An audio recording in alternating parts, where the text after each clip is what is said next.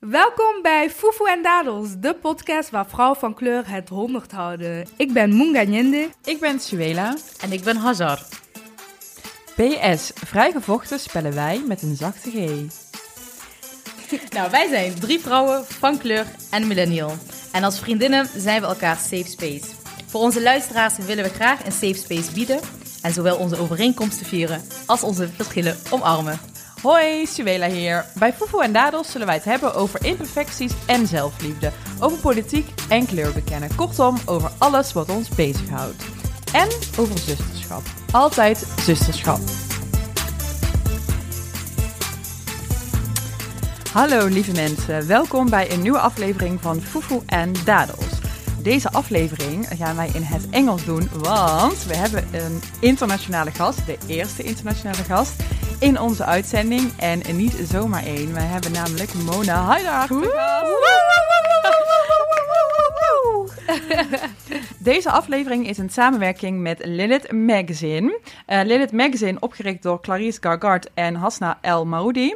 Lilith uh, Magazine heeft um, in samenwerking met Stedelijk Museum Schiedam een symposium samengesteld uh, met het thema Modest Fashion. Daarover straks meer.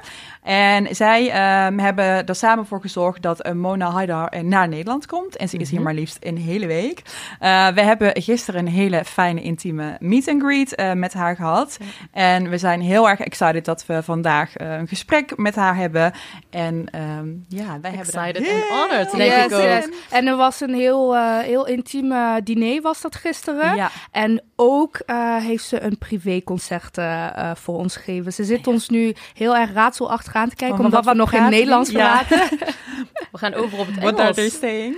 I- yes. I think it's time to speak in English so that Yes, Mona can also join our we, were, conversation. we were like, you're, you're looking at us like, what are What they are saying? It's okay. I'm, I'm so used to From that. now.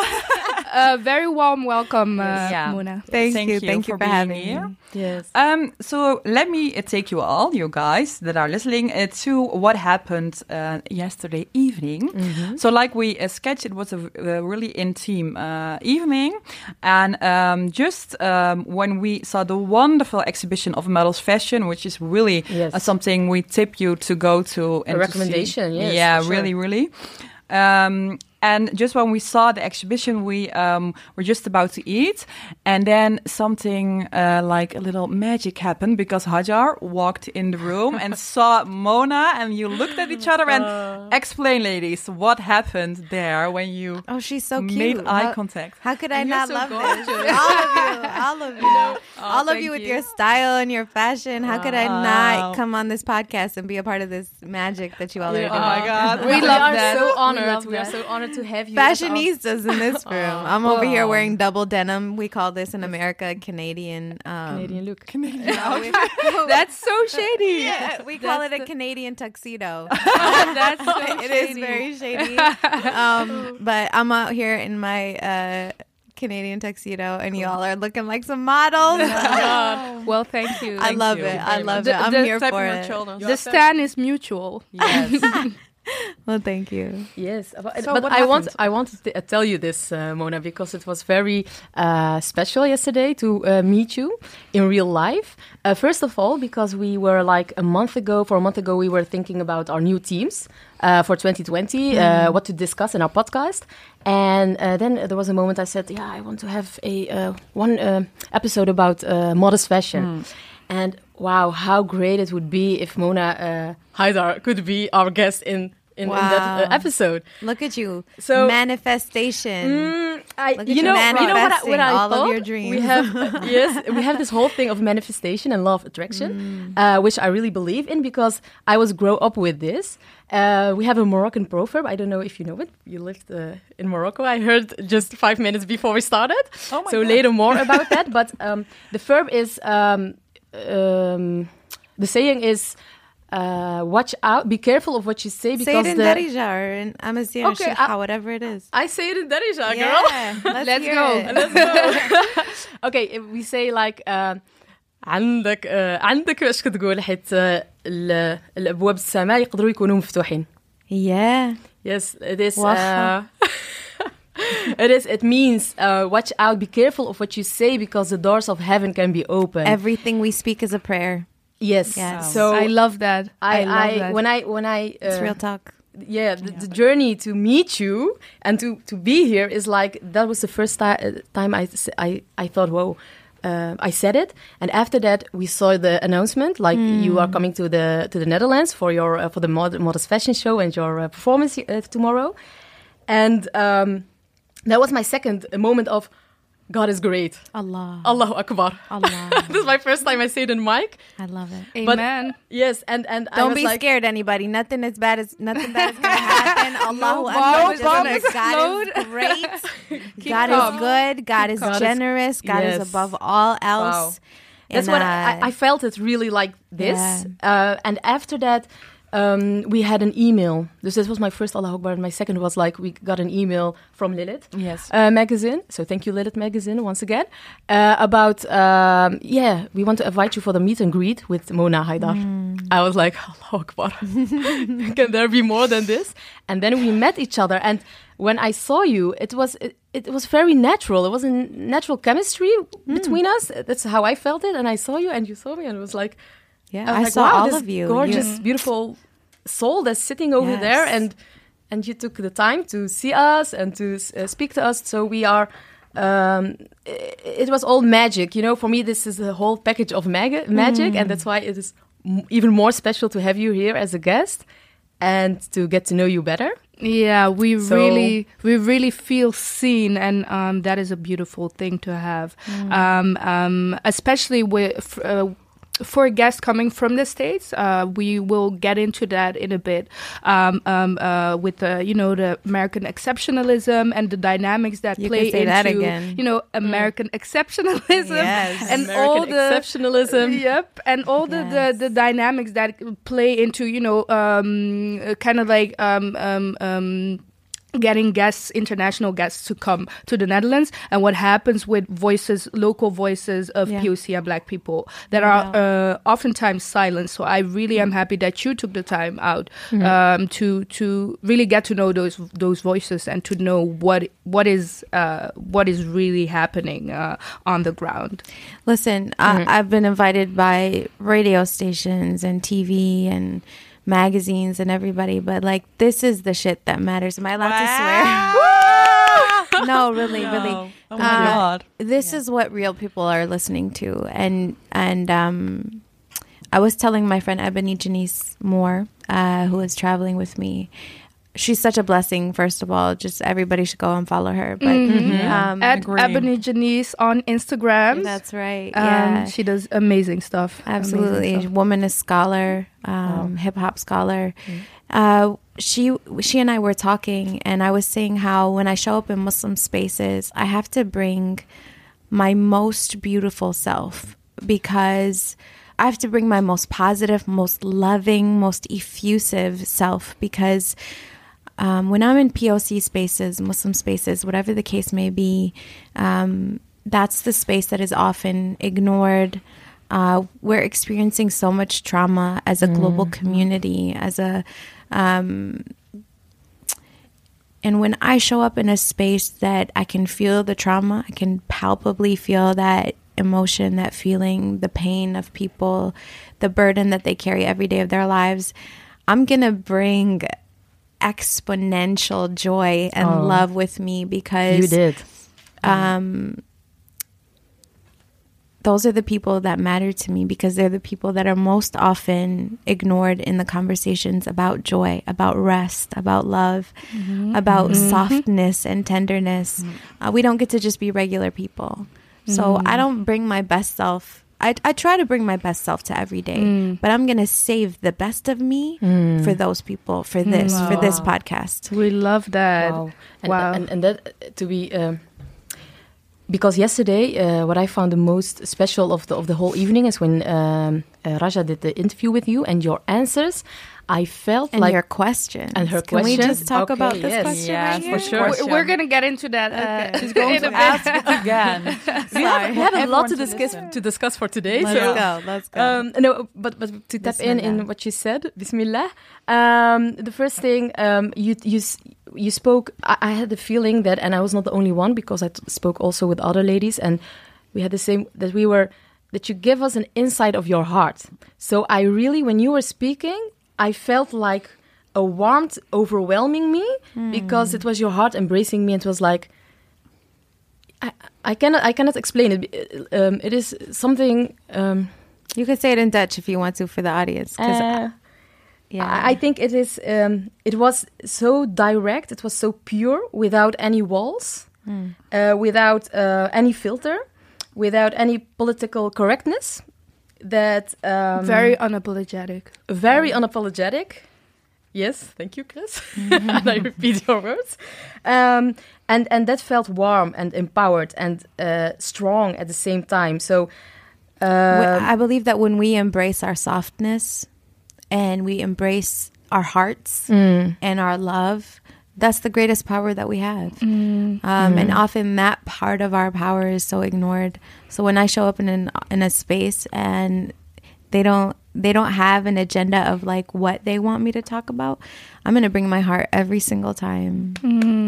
I Yes. mean, Yeah. that's that's my power, specifically as a woman, as a mother, um, as a very visible femme in the world. I'm I'm gonna bring my tenderness, my softness, because so often we equate power with harshness, with um, I mean, when you think the word power, we're so colonized. So true. Our our understanding of what power is is so colonized. Yeah, there's there's real power in um, its softness, and um, I really want to get into where that uh, that power came from for you because um, you were born, uh, you were raised in Flint, Yeah. in Michigan.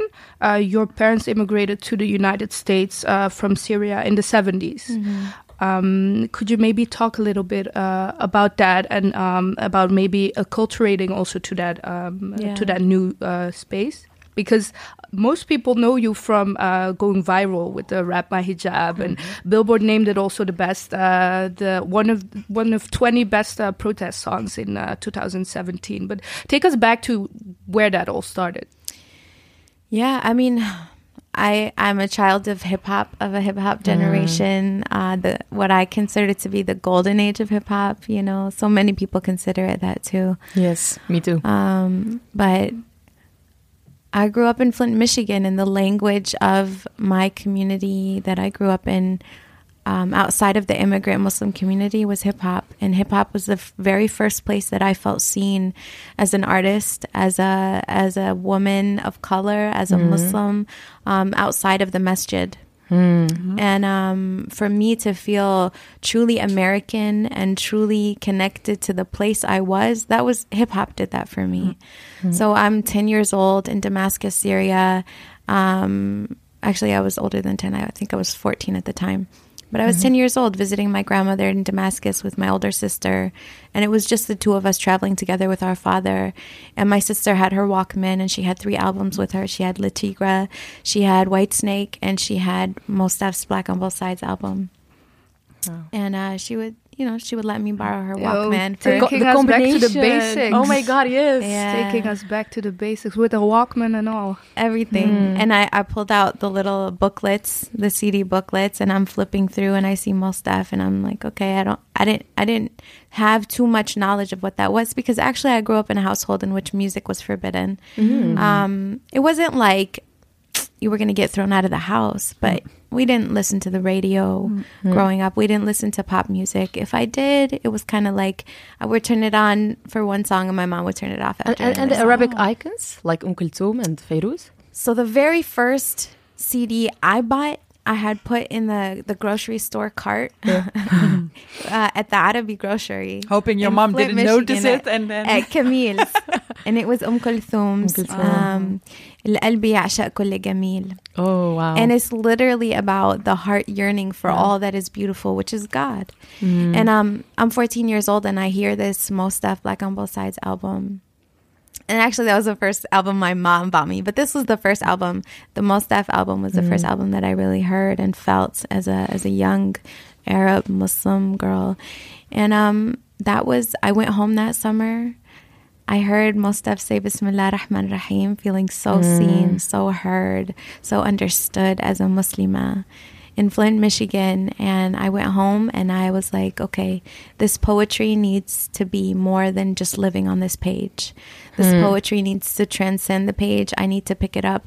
I need to learn what this is. And I had I had such amazing examples growing up from Black women who use their voices as uh, a means for their liberation, for their um, empowerment. Uh, women like Tracy Curry and Natasha Jackson who use their voices. Natasha was a rapper in Flint and like similar to me, very petite build. Um, like I say about myself, like a five foot nothing body, but so powerful. Yeah, this woman was so powerful, carried herself in such a powerful way, and for me to see that and know that that was possible, um, I learned that from Black women. Um, Oh. That you know, the very first time I got up to a microphone at a, at an open mic in Flint, um, this woman this woman in the audience is the one who gave me so much power, you know, where mm-hmm. I lost all of my words. Nothing came out of my mm-hmm. mouth. I was completely stage fright, overcome by stage fright. And um, I could just look at her and feel that she was supporting me unconditionally. And she said, Baby, you got this, you got this. And she's clapping, mm. and everybody's And, and how, how how would it be if if if you didn't have because I really believe in role models and in, in representation of I our- wouldn't be who I am. Uh, I without mean. these black women in Flint, Michigan, who I saw doing what they love, do, pouring out this art from their hearts, um, I wouldn't be doing. I, I wouldn't have been a poet. I wouldn't have e- expressed poetry in the way that I did. I wouldn't have learned spoken word, which then transitioned into rap. You know, which brought me to where I am today. Um, so I owe it all to black women in Flint, Michigan, you know, to hip hop culture, to black culture, period.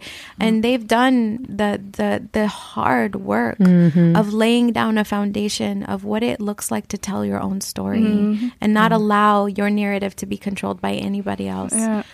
I love and, that. and, and what I really appreciate about your story and the and, and your message that the message that you spread when you go out in these uh, in this public uh, in these public spaces um, in front of the public. I mean, even yesterday, practically the first thing that you said when you were handed the mic is um, is giving credit to the black community and black women, and I just feel like that's such a powerful thing um, that is oftentimes forgotten.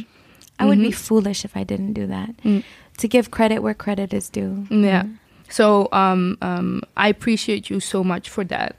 Um, I'm foolish in other ways, but not in that way. No, respect black women every day, all day. Uh-huh. And- snap, and- snap, snap. yes, and because of that, you um, uh, because of how you uh, exp- express that, I think um, um, for me it is something that I think, oh yeah, this is normal. It's Normal- normalized. normal to uh, uh, to um, to support and empower uh, a woman of color, black woman. But the way you uh, express that, Hmm. that meant so much for me because um, I really felt like yes, we have to say it explicit. ex- Exactly. Explicit. We live in global white supremacy and patriarchy. Right. Yes. It's not explicit. no. Right. Black women, black people are erased from the narratives that they're creating, that they're writing, um, are erased. it was like that funny. Um, have you guys seen on Twitter and on Instagram right now? Like, I'm gonna tell my kids this is, and they had uh, Leonardo DiCaprio in in like Malcolm X type glasses, and they said, "I'm gonna tell my children that that was Malcolm X." so I mean, it's funny, but that's white supremacy Yeah. right there, where they'll whitewash everything. They'll Yeah, they'll take people of color, color out of the narrative completely. Like when they do those um, movies about Egypt, Um, ancient yeah. Egypt, and everybody in the story is white. White and have blue eyes. Yeah, it's like, I'm sorry, what Egypt are you at? I don't know about that Egypt. I've never seen an Egyptian like that. I'll tell you a story that happened to me one time. I tell the story the same way I told it at the meet and greet. Uh, I learned this from black women. I owe who I am and what I am to black women. Uh, giving credit where credit is due. They taught me to use my voice. I say the same thing every single time, right? Because this is my truth. This is my story. It doesn't change depending on where I go. Yeah. And one time, this white woman said to me, um, you can just own your own story and own your own power. You don't you don't need to give your power away Oh my god. by by saying all of this every mm. time. Like she she she saw me doing that and didn't see it as as honoring these people. She mm. saw it as like dishonoring myself and my own power as a woman that I could give the credit away. She's like, "No, mm. you're an artist in your own right." Yes, I am. That's absolutely certainly true. but we are But I learned yeah, it from somewhere. True. I didn't learn it from nowhere. I mm-hmm. learned it from growing up in Flint, Michigan. Yeah. Yeah. And the beauty of other people doesn't mean that you have less, and Exactly. That's, uh, th- so she didn't get the point. Yeah, ju- justice is not a cake. Yeah, right. We don't Exactly. get bigger or smaller slices. That's Yeah, right. right. That's right. Um, I wanted to ask you, I like Mona, that. um, Justice is not a cake. Yeah, that's like really, that. Really like good one. I wanted to ask you, but um, because you just said yourself that um, you take your story everywhere you go, and it doesn't change because that is what you experienced. Um, I like to tell you something about how it is in, uh, especially the Netherlands, like in whole Europe, especially the Netherlands. Uh, what we, the three of us, um, uh, see is that when people in the Netherlands see us three together they are kind of surprised. Still we get even in amsterdam we sat in the metro i think a couple of months ago and a man came to us and said it to us. So imagine how many people would think that. They're not surprised because uh, they have never seen people like us individually but when they see uh, people like us together as a group they're surprised. They should watch my videos. yeah. Yes, exactly. Exactly. Exactly. and like my because also um if i see like people of color in the netherlands are usually i, I think you guys can agree in their own group. So if i'm It's um, segregated. yes really. And um i wanted to um ask you like um how is that in the states? Is that a different dynamic? Is that because here in the netherlands it's reality that people of color are yeah more in their own groups so moroccan people together Turks people together It's uh, also it's also because of the um, um, to give a small answer. Uh, it is also because of the doelgroepen we call doelgroepenbeleid. Uh, the Netherlands True. introduced uh, something like when uh, when when there were a lot of immigrants who were uh, they, they saw they are going to stay and not going back to their home countries. They um, had a new policy, or they created a policy, and they call it uh, policy for uh, for s- groups. Ethnic actually, groups, ethnic, ethnic- groups. yeah. It is not the word It's- ethnic is not yeah. mentioned, but it is about oh, when you come here and you have. Uh, you have an EU uh, passport. Okay, you don't have to learn the language. You have an Afri- a p- passport, or uh, you're uh, you are born in the, in Africa or another uh, continent. Um, then you have to learn this. Uh, these are the rules of our uh, country. This is our language. Um, you have to stay like five years in in in, in, in school in Yeah. school and stuff like that. Um, so that's why the- Racist laws. Yeah, it's, Yeah. it's actually loosely translated. The word also says it's uh, ethnic specific lawmaking. Yes. That's what the word says. Wow. and we see I, I I really believe that this is one of the of the uh, Why- reasons why we live uh, how we live nowadays in the Netherlands why we live so separated and Wow. that people are confused that we three are could be friends best friends Yeah, because that also plays into why the the th- the the, the anti-blackness is not made explicit by um, um, in the sense that it's not fought in an explicit manner by uh, communities of color as a whole, and mostly carried. Uh, the burden is mostly carried by uh, black, Black people. people. But um, uh, to come back to the question that Suela asked, like, uh, what is it like in, uh, what was that like growing up in Flint and um, um, and the intercommunitary dynamics? So largely, I grew up in the immigrant community, so not around a lot of Black Muslims, and it it sort of took me until I was 14 years old going downtown and kind of getting rides whenever I could with my friends who were driving and were already 16, to where I I was experiencing more than what my own little immigrant community was offering because the the in America it's different, right? Because you have a historic black population and mm-hmm. you have black Muslims that are not immigrants. Mm-hmm. So for them to connect with immigrant Muslims, it, it's often a stretch. So often you'll have the black masjid and you'll have the immigrant masjid. Mm-hmm. And um that kind of segregation is definitely real in the United States. Um, and it's, in some ways, it's beautiful because then black people don't have to experience, like, for instance, anti blackness in their own masjid.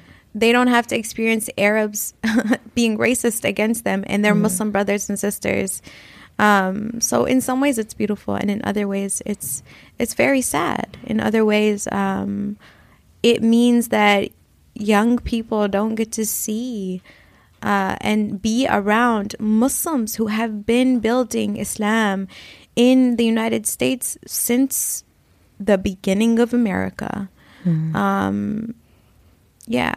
So I mean, it's it's a very different conversation when you get to the United States, and um, I think you all have some weird stuff over here, and we have some weird stuff over there. yeah, exactly. Like you all have your weird like black Santa Claus shit. Like oh that my stuff is god! like Yeah, the- Kick That's the- out Zwarte Piet. That's the blackface uh, where Chris uh, where Muganyedi was uh, speaking about. right, and I'm just like, uh, yeah, this is a really it's about to tough be month. 2020. Yeah. Mm-hmm. Like, can we stop doing that Yeah. And calling it tradition when it's just racism? Right, Like, right. can we start to actually see the reality of these situations? And for me, it's a spiritual problem. Mm-hmm. When you have white supremacy as the actual religion of people, Wow. Yep. It's hard to see. Yeah, I I just want to take this segment to say um, to anyone who wants to support um, the movement against uh, blackface in the Netherlands, please uh, support uh, the movement Kick Out Zwarte K O Z P on Instagram, on Facebook, uh, and on Twitter, and please donate um, to uh, to their campaign because uh, they're doing amazing work to uh, keep uh, uh, uh, black uh, children and children of color in the Netherlands uh, safe, but especially black children. Yeah. Safety is number one when you have um, such violence, like this violence, where people can't even understand it and see it. The kind of violence that that is is, you know, it's spiritual, it's physical, it's mental, and it's exhausting. That you all even have to fight that in the world. Like you know, it's it's it's. This is different. I know this is a different mm-hmm. conversation, but people will often ask me like, "Are you a feminist?" Mm. Mm. you know and like they want to be able to like use that against me. Yes. but feminism is this and feminism has this problem and feminism this. And i said I, I wish i lived in a world where i didn't have to identify as a feminist. Mm-hmm. Why don't you make that world so i don't have to identify as a feminist anymore? Please mm. build that beautiful world that Exactly. where i don't have to struggle. Yeah. As a woman mm-hmm. anymore where I can get paid the same as somebody else for doing the same damn mm-hmm. job. Mm-hmm. And I know these are different conversations, but I'm I'm just saying like I wish we lived in a world where this violence wasn't a reality against bodies of color, specifically ba- black bodies where they didn't have to carry the burden of it. So yes, mm. go donate all of your money to that cause and continue to to, you. to shout them out and do that because at it's Kick so Out Zwarte necessary. Piet, please Yes. donate. Um, I want to take y'all back to um, a conversation that we were having when we were um, coming um, to um, uh, to do this uh, podcast episode in the in the car. Um, we were talking. About, I, I I don't really remember where I heard this first, but um, it, there was this saying about um, how uh, children um, download um, in the first ten years of their lives. They basically Ah, yes. download the uh, information about who they are, their self worth, and uh, their self um, actualization, and um and given the fact that you the first 10 years of your life weren't in the west i really am curious to to hear how that impacted your because the, the the woman that you're today like it speaks for itself but then again i'm like um, um, um does uh, is there a certain particular um, like essence in that in that the fact that you spent the first 10 years and even more of your life downloading um, um, um, uh, um, a your own- positive self uh, self image Hold on, I'm not sure I understand. But but she, I feel she really was stupid. in. She's born in USA, right? So Mhm. it's in the West. mm-hmm. So your question is? no, I was actually born in Saudi Arabia. Yeah. Oh yeah. Okay. You were And born in Saudi years, Arabia. yeah. So that's why because she Yeah. grew up in Flint, right? But she Yeah. you were born in Saudi Yeah. Arabia. Um but so so my question is how did that impact you? Did do you think do you Yeah. think there's a difference in the first Mm. years that you spent outside of the West? Did that impact you in a positive? Could you like maybe gather positive? That is a very uh, good question. Yeah. Sorry, thank you for the clarification. So I think being born in Saudi Arabia, um, Saudi Arabia is weird. No offense. Sorry to this man. Mm. Um, no offense to Saudi Arabians. I, I like I like the people on the ground struggling for their the freedom to drive, for instance. Um, but as a Syrian in Saudi Arabia, there there's some weird stuff, and I, I I mean I don't I don't know what kind of impact it had on me, but I'm sure I'm sure I there was impact certainly. Um, and being around Arabs, being around people who spoke Arabic was probably very interesting for me in the first two years of my life. Um, but I think it's really interesting because being children of a diaspora, the fact that I'm born in Saudi Arabia, every time I go to a border crossing, you know, they ask me, Where's your Saudi passport? I don't have a Saudi passport. Just because I'm born somewhere doesn't mean that I have that passport. I, I almost wish I had Saudi citizenship so I could get that Saudi stipend. Can I get some of that money? Um, would help me make my art, make my videos, do some fundraising. I'll take it. No, mm. I don't want their oil money. Their dirty oil money. No, mm. keep it in the ground. Keep that oil in the ground. The earth mm-hmm. needs it more than we do. Mm-hmm. Um, but I'm I'm sure growing up around people who spoke Arabic had a huge impact on me. Seeing people who looked like me in a monoculture, you know, I'm sure it heavily impacted my self worth, my ideas of who I was.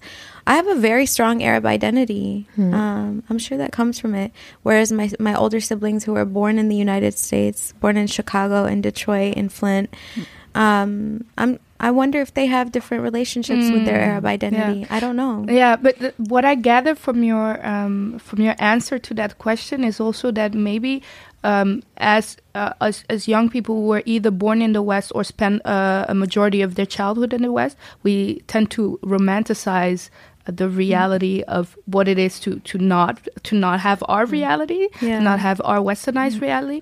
Which then you know when when you answered my question, I I, I took myself back to that and, and was reminded of that. Of yeah, of course it it doesn't mean all uh, it doesn't mean all is good and well just because Yeah. uh, you spent the 10 first years um, outside of the Western world. Yeah, I mean, we have such complicated identities, and there's so many layers to this stuff.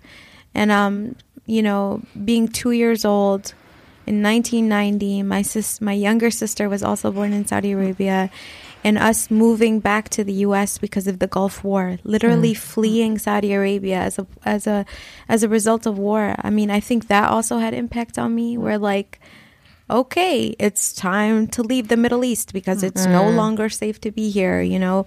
Um, I think that's an impact that I don't often think about either. You know, I think that it's so layered. There's so many layers. And like what was going on? What is the adrenaline inside of my mom's body, you know, that I'm experiencing through breastfeeding yeah. while like Mhm. traveling across the ocean, moving to the country that her older her older children are born in and mm-hmm. coming back Yeah. to a place where people didn't like her and didn't you know she she has an accent and people talk to her mm. like she's stupid even Uh. though now she speaks two languages mm. three languages in fact because she learned French in Syrian schools because the oh. French colonized Syria. Mm-hmm. But people still look at her like she's stupid. Mm. And, and she speaks all of these languages and they speak one. Yeah. mm. yes, and, and what is that to to feel that impact? I don't know. Yeah and i- i- it's so it's so um, crazy actually to hear your story. And while I am born in in the Netherlands, also in '88, so I was also uh, two years old at uh, in the '90s. That um, I recognize um, every part. Also, that you say there was a Gulf War. I mean, I literally. Um, uh, lived, uh, tussen aanhalingstekens voor de luisteraars. uh, Quote unquote. uh, this uh, the, all these wars in the Middle East because of uh, my father was very interested in in what was happening in the Middle East, and we spe- we spoke the we speak the same language, and uh, that those are our Arab- brothers and sisters, and um, even though I was living in the Netherlands and I was uh, going to school here and and getting my education and friends and all of that kinds in, in Dutch language, I a part of me lived. I, I, I, I cannot express myself so good, I think, but You're doing great. thank you. I needed the support. Thank you. Um, I, and and so that also um, not created me, but that also formed me as a person.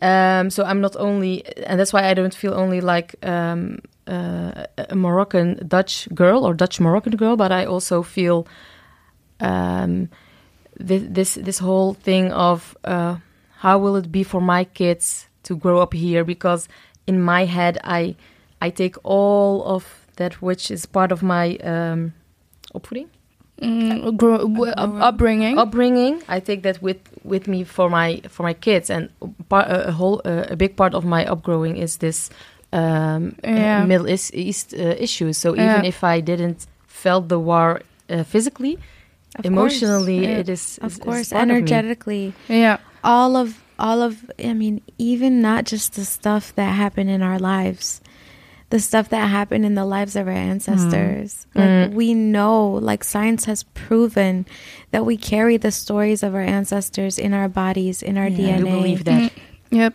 yes. our trauma is woven into the very fabric of our genetic coding and to say that we're just impacted by our physic physicality right now is so limited. Mm. Yeah. you know mm. like oh i'm just a product of x y or z. No. Mm-hmm. Like we all of us are products of white supremacy and patriarchy that goes back generations anti-womanness period mm. where womanhood was something to stifle and fear so much so that our power was so feared as women that they burned women in Europe for how many years? Women all over the world, our power has been used against us, where we're pitted against each other. And we're now suddenly coming to realize that, like, we're so much more powerful than we ever thought. That that Yes. our our grandmothers knew these things, Mm-hmm. you know, but like to pass it on to us was like they couldn't because Yeah. they would literally get killed. Mhm. Yeah. And and but there's this uh, quote that uh, that I love, love, love um, that I found on the internet uh, through uh, Clarice Gargard, one of the founders of Lilith Mag, and she actually put it also in her book, uh, Dragon Daughter. Please buy her book. Um, and um, I like it. You're plugging everybody. and and the the the quote is um, uh, um, pain travels through families Mm. until somebody is ready to feel yes. and um Yes. and and I'll put the other in the show notes because And I, I, would just I would add to that. Mm. Not till someone is ready to feel, till someone is ready to heal. Wow. definitely yeah Like feeling is Mm. one thing. I feel a lot of pain. But if I don't sit with it and care for it and love on that wound, it's just going to become it's just going to stay there, you know, unless you attend to it and give all of your attention over to that. We we all come from a weird, messed up colonial history. Certainly there are layers and hierarchies within um, our pain and our suffering and our struggle. And I'm not trying to say that our struggles are all the same, but we all carry that inside of our bodies, no matter our stories. And our our job, we have so much privilege in this generation, in our mm-hmm. generation. Mm-hmm. We have the freedom that so many of our parents and our grandparents didn't have. They were just struggling to survive. And here we are, mm-hmm. living our best lives, wearing our best shoes and our best Best outfits. fashion. no, really. And we're out here and we get the opportunity to even think about these things. They didn't have time to think about these things. Do you think so?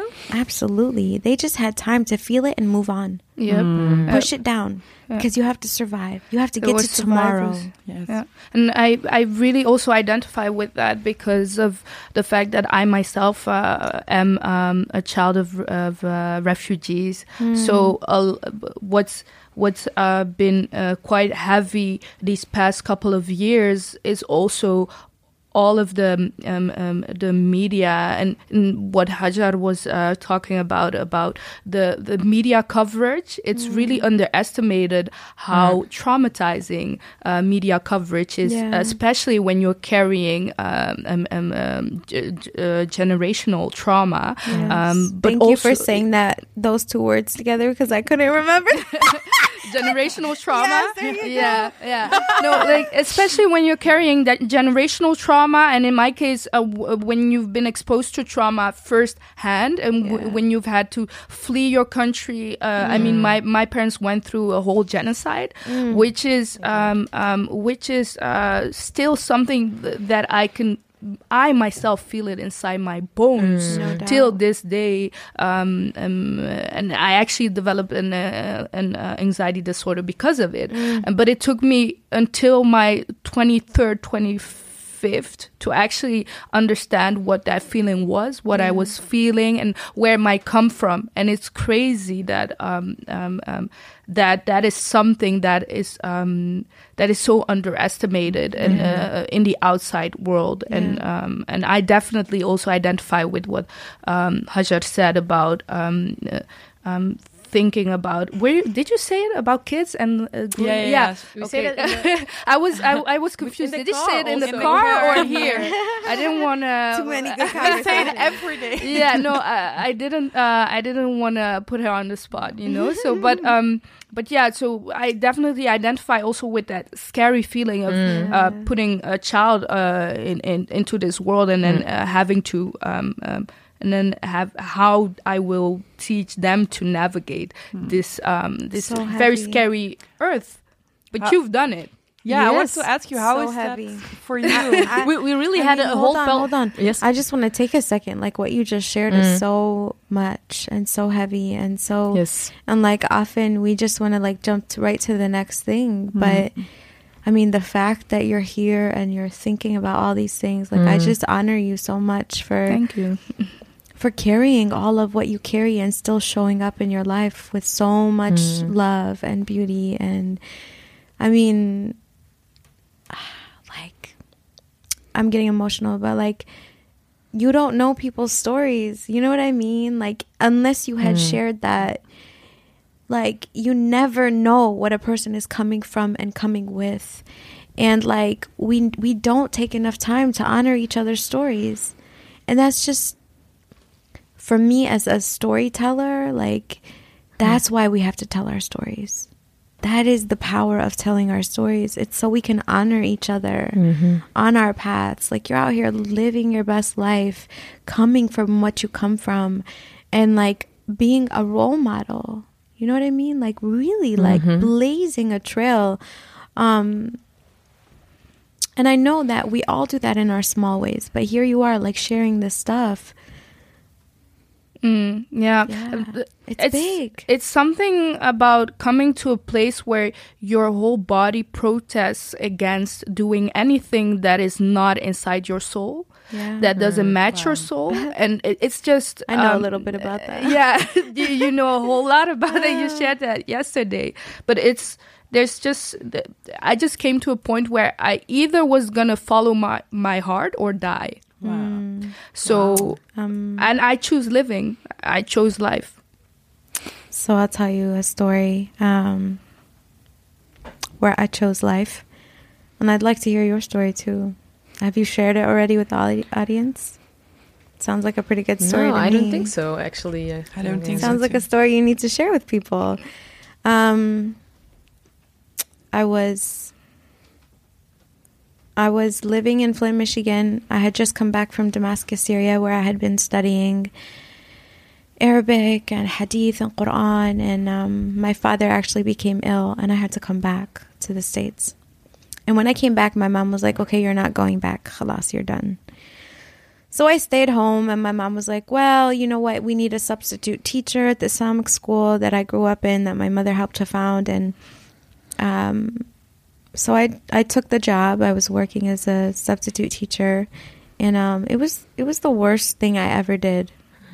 Here I am, this artist, this poet, and I'm teaching these punk ass kids basically their ABCs. And teaching is so powerful, and it was not what I was meant to be doing. It was not the kind of power that I knew how to wield, and um, I found it oppressive. I love how you said that.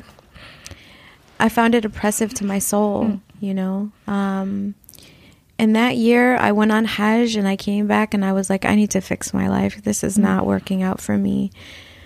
Um, I came back from Hajj, and one of my be- one of my best friends came to visit me and say like Mabruk al Hajj, Hajj Mabrur, whatever. And I hadn't seen her in a while, and this is like literally one of my best friends. You know, six months could go by, but we meet up again, and it's like no time has passed, right? Um, and that year, I would say, was the worst year of my life. I, I call it the pale, the palest year of my life, because often in in English we use it's an, English is an anti-black language, so we say darkest to mean worst. So I say palest. Oh, I love this. Uh, we, we, we should We sta- we stand- Use that. We, We stand. Yeah, we stand a decolonized queen. Yeah. Is the palest. We are going to introduce this in our in the Dutch language from now on. Bleek. Did you know Bleek, that ja. uh, that uh, in the Netherlands? Did you know that in the Netherlands, white people don't want to be called white? Of course they, They don't. find it But, uh, offensive. they find it offensive and racist, so they want to be called blanc, which is the same as uh, blanco. means It, it clean, means clean uh, and and um, uh, without sin, which is pretty, which is pretty hilarious. So so they actually they actually refer to they actually refer to themselves like that. Oh my god! and, and, and then we'll have like uh, there's whole Twitter debates around this and like Ah! the, the like the uh, the it, blank. yeah yeah yeah Kamervraag. yeah there's the there's the my whole God. like this national they get to around self-identify, but With- nobody else does. Exactly, but but Oh, they still use the. N word like Right. m- like No throw the- problem. no problem No problem. But they wow, we Yeah, we call that sin. caucasity. that is caucasity. The audat the, The the of the Caucasian is caucasity. yeah yeah definitely definitely. Thank you. I uh, oh my god. so ma- so much. You guys are you guys are amazing. You all are so You are amazing. amazing. Yeah. really, really, Really, when you when you laughed at the moment she said with no sin, that was that was really a meme. That's like when uh, uh I don't know for Muslim people, it is when an imam says something like "I don't do that," then everyone is laughing this way because we know everyone is sinning. Right, right, and right. we don't have that Oh. uh, mindset of uh, people who don't have any Excuse sin. me? I mean, Excuse me, who, where? only only our thoughts can be very sinful. Yeah, even if we don't do anything. Uh, our whole lives, Yeah. our whole we're haram. Mhm. We're ladies. Our whole lives are wrong. We're we're just wrong. Period. No matter what we do, somebody has something to say about how we're what we're doing is wrong. But um, I was Can sharing. you I can you finish your story Yeah. actually because I was very uh, so my friend came in- to visit me. Mhm. She's walking out the door and she hugs me and she says, "When I just want you to know, I'm so proud of you." Because she, she was my friend who would come with me to the poetry events. We would drive to Detroit together. We would drive. She came with me once to St. Louis. She got on an airplane, paid for it herself, Wow. and came with me to an event just for fun. That was the kind of friend she was. wow. And um, She was home everywhere you went. Maybe like she that. was my home for sure. I love that. Love it. she that year she she took her own life. Oh my god. Oh, She was she was suffering from health issues, mm. mental health issues, and would ask the community for help, and they would just say, "Put your hijab back on. You need to just mm. pray more." Even at her funeral, even at her house at Taza, peop- this lady tried to give a dars, a, a spiritual talk to mm. everyone to help them feel better, where she was telling them that this is why hijab is so important my god. Right? Trying to use that against her. And that that is why she died. And that's just so violent to me. And she took her own life and I had a moment. I I- really had to stop doing everything I was doing at that time. I was already in a deep questioning period of my life and I just had to stop and say either either I'm going to do like she did, trigger warning, I hmm. mean, Wow. but either I'm going to stop living or I'm going to start really living. Because what's the point otherwise? Hmm. What is the point if you're not actually living your life? I mean, I, I and I want to live. who from us doesn't want to love our lives? We all want to love our lives. And so I had to figure out how I was going to make my life something I loved. And I was done with everything that didn't bring me joy, that wasn't full of love and soul and purpose. And I had to just let go. So I was I was about to turn 24 years old. I was a substitute teacher, didn't have much money. I literally looked in Facebook one day and this this guy was trying to marry me. He was trying to talk to me. He's trying to marry me, in other words. and he was he was in my DMs. I love how that always escalates so quickly in migrant communities. Yeah. It's like you're you're trying to talk, you're trying to marry. Yeah. so he was trying to marry me and oh, and but one of the things was so beautiful was in my inbox from him was a flyer from a place called the Lama Foundation and at the time I was very interested in permaculture. And this flyer was talking about permaculture and I was like, look Can at you God. explain for the I listeners? Permaculture is a um, uh, it's a lifestyle actually, um, where you work with the earth, the way the earth likes to do things, natural systems. Wow. And like one of the practices in permaculture is you can taste the soil. Is it acidic? Is it alkaline? What is it like? What does it need? You're working with the natural climate. You're working with what's already happening in the situation. and um I was very interested in permaculture at the time. Everybody should check out permaculture. It's really beautiful. It talks about water systems and the way you are with the earth and the way that you should plant carrots and tomatoes right next to each other because they help each other. Oh, Wow. Don't just plant tomatoes. Don't just plant carrots. You plant know- them, you know, there is a way like different plants like each other and will mm-hmm. work well together, just like people. We are dirt.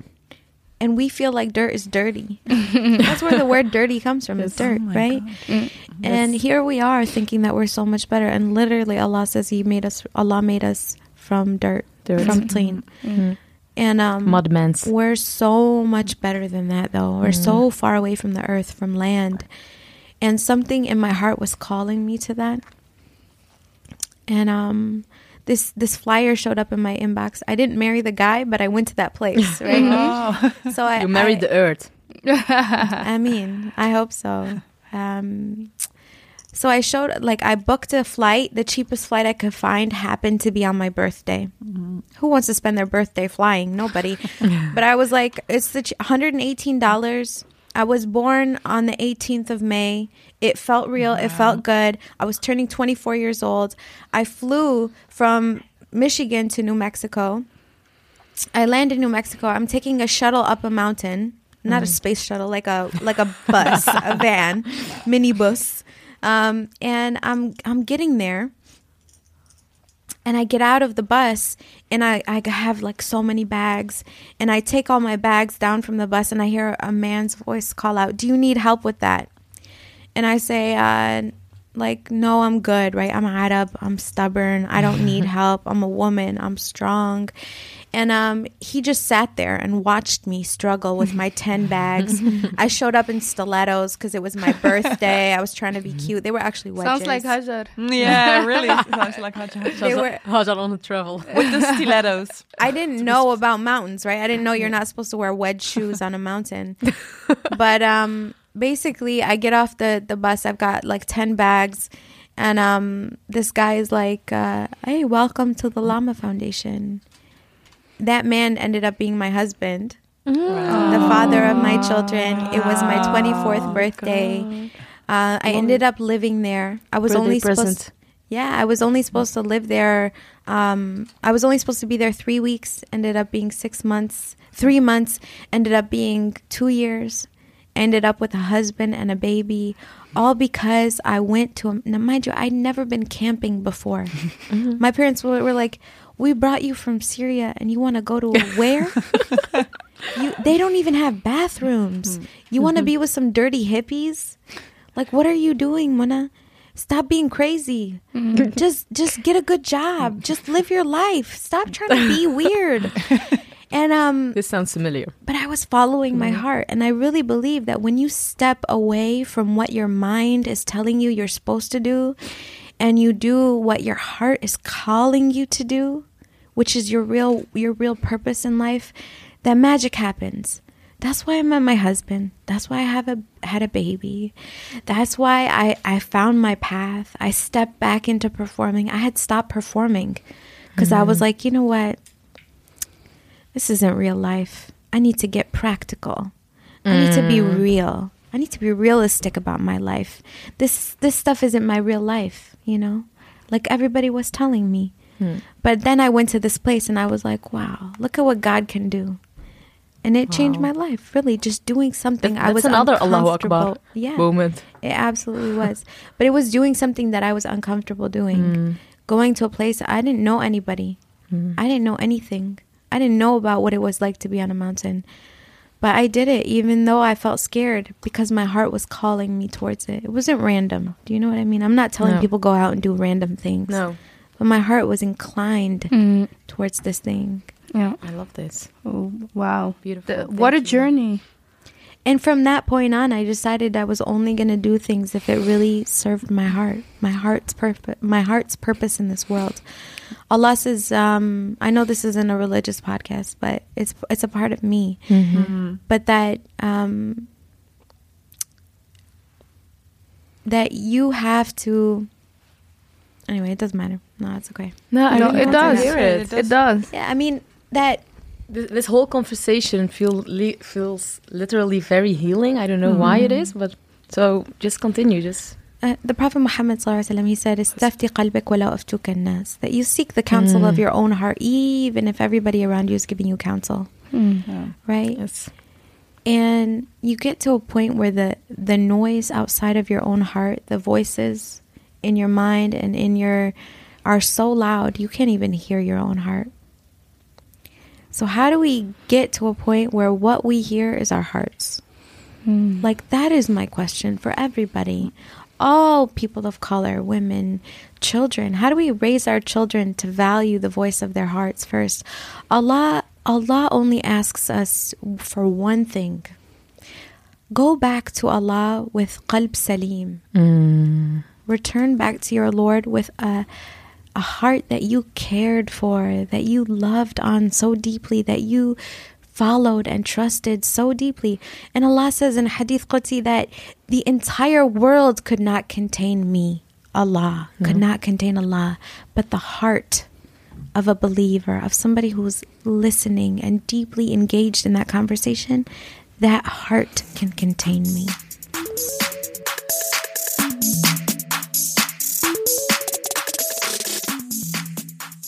You are just like uh, this is it, and I am also an artist, and I'm also Muslim, and this is a part of me, and that's a part of me, and I'm following my heart, and the whole package. So people who are uh, uh, used to put others in in in boxes, they are getting confused, and.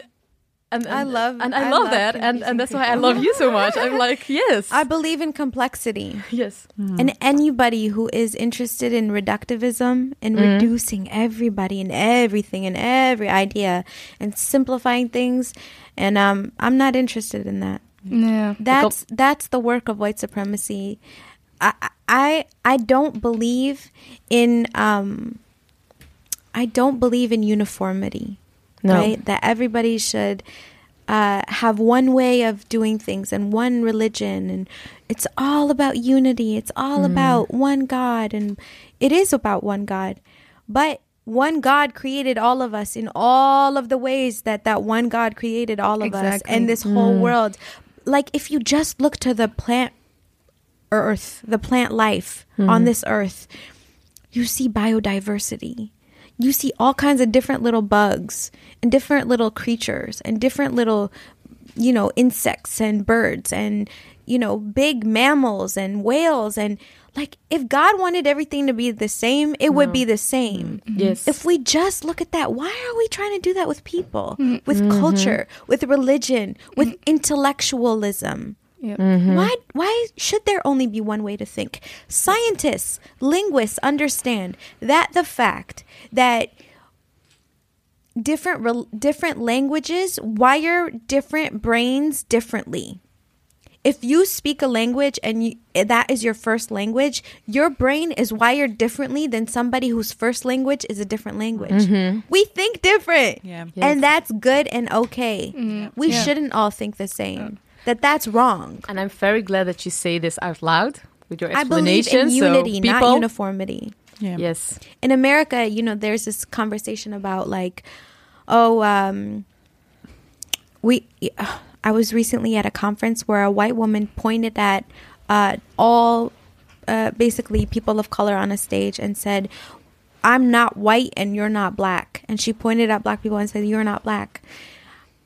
And those black people identify as black. They identify as black American, okay? And she said, We're all brown. We're all mm. just dirt. We're all just one. Mm. And I said, I said to her, the fact that you even have the opportunity, the privilege to feel that way mm. Means socially that you are white and that you do not understand the complexity of what it is to be this in the world. I mean, I, I said a lot. I could go into that, Yeah. but, but Yeah. I don't. I don't believe in erasing our differences. Our Yes. Yes. differences are good and beautiful. We actually had a small question from um, from one of our followers about your use of the uh, the word uh, barbarism, barbarism, and um, and um, the one the question w- was uh, like m- mostly centered around um, whether or not um, um, what reclaiming looks like, right? Uh, because w- what I gather from uh, from um, from your work, from your music, is that a lot of it is a work of reclaiming and a work of justice, um, and and and uh, a work of healing. And um, the question from from uh, one of the followers was like, um, does um, uh, is it do we have to reclaim a word such as bar- bar- barbarism to do that? And um, the reason why I thought that question was interesting because um, them themselves uh, were like, I, I, I'm not even sure what I think, but I just wanted to throw it out there. Yeah. And the reason why I think that's interesting is because when you look at the the the um, the dynamics within Europe, where uh, most of um, um, most of racialized uh, people that are racialized as uh, Muslim uh, and that are Muslim but also racialized as such uh, are mostly North Africans, and um, um, a, s- a very specific portion of that, which is the the the Rif community of um, uh, of Morocco that migrated to the Netherlands, is. Um, is also uh, called th- that name uh, by uh, it started in French colonization and people um, um, uh, use that name still like bar, uh, Berber. Berbers. Berbers. In, in, yeah, in the Netherlands it's Berbers and uh, some people are like yeah but we're reclaiming it and we're going to continue using it. But when white institutions and uh, white people use it it just makes me uncomfortable. But then again uh, looking at it from the standpoint as someone who is black and who uh, also um, identifies with uh, reclaiming um, the N word within uh, my own community and with the the complexity that's uh, the complexities that come with it, I do understand that. Is that is that uh, similar to your uh, train of thought when uh, coming up with uh, with that track? Yeah, I mean it's it's funny. I was I was in a class actually when I came up with that song, and I was getting my master's degree in Christian ethics at the time. And I was in a class talking about um, Occidental uh, theology versus Oriental theology, and talking about um, talking about anthropology and the violence of anthropology and the centering of whiteness within anthropology. Um, and for me, it's it's really not even about um, like people are like, oh, she's not Moroccan. Um, She's talking about being a barbarian. When people don't understand that actually the term barbarian is is ancient. It comes from the Roman uh, Empire, where anybody who was not a citizen Yes. was a barbarian.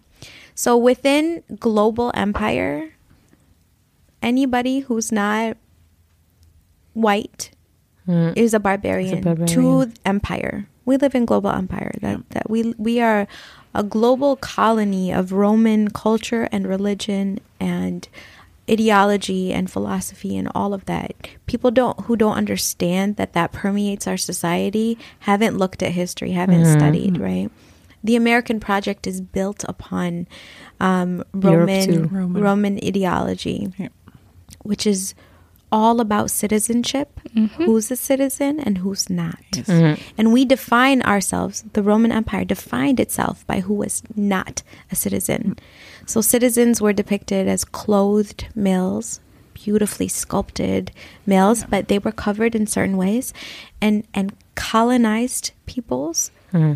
conquered, this is the actual language, conquered conquered. peoples were always um, portrayed as naked females. They were conquered peoples, right? Mm. Which means rapeable, essentially, mm-hmm. right? Right? And so in that context, for me, barbarian is is is all of us who say, "Oh, like who wants to be that? That's nasty. I don't want to be a part of that. I, I am a barbarian. Mm-hmm. I don't want And to. I don't want your I- citizenship. I don't want to be I- a citizen. Thank you. Mm. Exactly. I will I will not participate. I don't want your citizenship card. I don't want your passport. I don't want whatever it is if it means proxy wars and racism and sexism and homophobia and pedophilia. Like like there's so much nasty garbage within that mm. economic racism, climate injustice mm-hmm. Like the destruction of the earth completely comes from this roman concept of who gets to like what do we get to do hmm. with the earth? We own the earth. We get to do whatever we want with it. Yeah. that's their whole dominion theology is the mm-hmm. entire reason i went into dominion theology and liberation theology are the, the reasons i went into this field of getting my master's degree in christian ethics. Because when you don't understand history you can't understand No. right now. Mm-hmm. So for me I am a barbarian and mm-hmm. proud mm. because I do not subscribe to their ideologies. Mm. I don't value their standards of beauty over my own. I don't value their intellectual history over my own, mm. over all others, over indigenous intellectual history and and uh, intellect uh, indigenous pedagogy and indigenous uh, American indigenous ways, not not American, but Turtle Island indigenous ways of disseminating knowledge. You know, like all of that has my friend Ebony Janice Moore, the Reverend Doctor Ebony Janice Moore. Um, on Instagram at Ebony Janice, she talks about decolonizing authority. She she oh. puts such beautiful language to it that when we decolonize our ideas of what authority is, who holds authority, who gives out authority, who gets to say that your degree then hmm. now gives you the right to to go and teach. Oh, I totally You know? agree. Yes. Like hmm. in America, you have to have a license to learn how to braid hair. To to to braid hair. Mm-hmm. in the in the Who's going to give you a license to do that? Yep. right Yes. like it she talks about this on her instagram mm-hmm. it's amazing mm-hmm. she she she breaks it all down for people like they want you to pay them so that you can have a license to, to do what you invented. Yeah. To do what you invented. Mm. yes. Wow. And that's Yes. that's the crazy part. Yeah. yes so no i don't i don't acknowledge their authority No. to label me to box me in Love it. i am complex Mm. and, if they don't like it they don't have to come on my instagram they don't have to watch my videos No. it's not for them good luck see you later Um, so we're uh, heading towards the end. Um, I want to get into our uh, little fun segment uh, that we like to do. We call it "Who's Hot, Who's Salty." Ooh. Uh, and in this segment, we discuss what our current moods are surrounding a specific person, topic, or pop culture phenomenon. Um, we're gonna ask you your who's hot, who's salty this week to you. Um, ours was actually um, the hip hop feminist, uh, hip hop womanist extraordinaire from uh, from Harlem, Ebony Janice. You, We've been mentioning her left Yes. and right, but we also wanted to really shout her out in uh, who's hot, who's salty. Definitely hot. Um, and um, like you said, she accompanied you on this trip. And um, I just want to uh, be specific uh, about uh, her trajectory in terms of um, following her. So, uh, the amazing Ebony Janice is a womanist, professor in gender studies, and the creator of Black Girl Mixtape, Decolonized Lecture Studies. So, please get into that sauce. Um, and um, I've talked with Ebony yesterday, and I was actually hoping that she would uh, be a part of this conversation. But um, we've talked a, a little about uh, American. You guys will have to invite her Yeah, back. yeah, exactly. Yes, That's what we that what we were saying, and we, we talked about American exceptionalism, and it was so good. It was so good. So uh, we definitely uh, will have that uh, that uh, Yep, she brings- conversation she brings continued. Yeah. Yeah. All the sauce. She So who's it. your uh, who's your hot today I or mean, salty? I would, who's I would have week? to agree that Ebony Janice Moore, the Reverend Doctor, is is the hotness. Um, she is everything and more. Uh, and I would, I would advise everyone to go and follow her and to check out her work, read her articles. She was just featured in Harper's Bazaar. Um, with another amazing woman named Rachel Cargle, um, and they're doing incredible work. They're out here, you know, doing the the work of God. And um, who's salty? Ooh, Or what are you salty about this week? oh, Maybe the people in uh, Rotterdam at the Ooh. station. yes. I mean, there's so much subtle Islamophobia and racism here. And it's even just in the way you're dismissed. You know, like I was at a train station and this lady, she literally wouldn't even help us read the ticket to see what we needed to do. And it said tourist information. Shame on you, lady. I'm a and, tourist. yes. Hi, Mhm. can you help me? Yeah. No, I can't help you with that. Hmm. Ebony Janice looked looked at her and she was like, "Give me this phone." And she walked away. We walked to the next window, and she said to the man the same thing.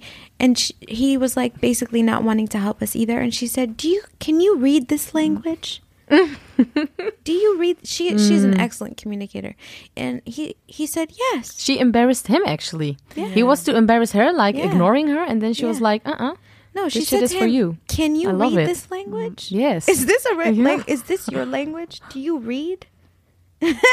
I like and this." and and he said yes and she Mm. said read this to me please Mm. and that was it you know that's all it took and um i, I would say yeah it's uh I'm so I'm I'm a little bit salty about that, and I'm sorry to all of the people of color who have to walk around this Yeah. country, this city, experiencing that, feeling the weight of what it is for Yeah. people to do blackface. I mean, it's Mm. intense. This is Yes, intense. especially in these weeks. Yeah, intense. God bless everybody Yeah. having to carry the trauma of that right now. Right. And uh, may you all be carried through the season with love and grace and ease and beauty. And may it, m- may you be Thank you. Unbothered. Yeah. May you be unbothered by their by their wrongness. Mm. Stay unbothered. Go take a bath. Take a walk. Relax. Thank you. Chill. Take time for yourself. Thank you. Unbothering season. yes. so we're at the end now, but it feels like we just started. So let's have another conversation soon and keep Mm. in touch. It's really uh, And healing. Daddles will go to the States. Yes. Yeah, let's do We it. just invite ourselves the Dutch way. That's the one way. tradition we want to we want to keep. Please do Well, come. I would love to see you there. Yeah. So thank you, Mona. Um, thank you uh, yeah, to all the listeners. Um, dit is um, tevens onze laatste uh, aflevering van dit jaar. We sluiten dus uh, echt booming af. Ja. En nog een leuk nieuwtje. Sinds deze week ben ik um, ook onderdeel van Lilith Magazine. Ik ben namelijk hun nieuwe redacteur. en uh, ik ben heel blij uh, met deze nieuwe job. Ik heb er heel veel zin in. En uh, het is in ieder geval een echt een spetterende week om mee te beginnen. Dus Ja. thank you uh, Hasna en Clarice voor de trust. Yes, thank you. Hasna. Mad props to Yeah, Hasna. I got, I understood that part of it. Yeah. and Clarice and Gargard. Clarice Gargard. Yes. So, And um, so before we, we cut the mic, I just wanted to go out with a bang to ask you the the same question that we asked you yesterday. Oh, Um, girl, I'm still sitting with that question that Are we shook night. or are me, we me shook? and Ebony Janice have talked about it so many wow. times since then. Oh, that's so funny. But I feel humbled. I feel humbled because I actually asked that question um, to heal the crowds that uh, that um, that come together as POC communities, as Black communities. I just feel like it's such a necessary question to Yeah. um, uh, to tap into every time we we go Yeah. outside. Um, so the question is, what does the day after the revolution look like to you? I mean, I'm going to say what I said yesterday. Looks like a nap. Yes. Looks like taking care of your body, your mind, your spirit, and the impact that the revolution has on us every single day. Um, so I hope I hope that we don't have to get to the day after to where we get to take care of ourselves. I hope we don't allow the violence and the impact of white supremacy, of patriarchy, of global capitalism to do uh, what it does to our bodies every single day. I was recently diagnosed with an autoimmune condition. And if you know what an autoimmune condition, you know that it's when your body is attacking itself. And I don't, I mean, I was recently sitting in a room at a conference with uh, a, a group of women of color. Each one of us was dealing with an autoimmune condition. Each one of us was dealing with some kind of anxiety, panic attacks, depression. Um, so every single one of us was dealing with something like that because of the impact of these hmm. systems on our body, of this empire on our body, on our bodies. And um, the only way I can truly see an out is not justice, is not wrath, is not like everybody who ever did something bad gets punished. Mm-hmm. The way I see out is mercy and love and mm. tenderness.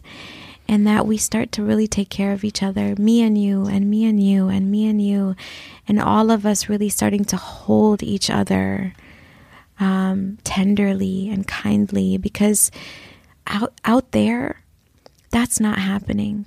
So when we get into these rooms together, we better be taking care of each other. No more fighting. Yes, we can disagree, but we walk away together. Because what these systems want to do mm. is separate us, is mm. have us fall out with each other so that we stay fighting and can never look at the larger systems at play. It wants us to stay sick so that we can never really get to liberation. Stay tied into the pharmaceutical companies, stayed into stayed tied into the the health industry, the chemical industries where we're buying all of their chemicals and their garbage. Wait, rest, bath, take care of yourself, go on a walk, meditate, sit in quiet for five minutes when you wake up in the morning. Hmm. Listen to what your heart is saying to you. Who are you? What are you supposed to do here? What is your work? That's the day after. That's today. Let's, That's let's not wait. Don't wait for the day after the revolution. Let your revolution be yesterday, and today is the day you get to rest. Amen. Thank you. Thank, thank you. En ehm, ik wil nog ehm, heel graag even afsluiten met een dank aan onze mediapartner ehm, Dag en Nacht Media. En ehm, deze aflevering ehm, was opgenomen in samenwerking met Lilith Magazine. En nog een shout-out voor onze logomaakster Nazarina Rojan. En Anna Visser voor onze leuke tune. En dit is een Dipsaus productie.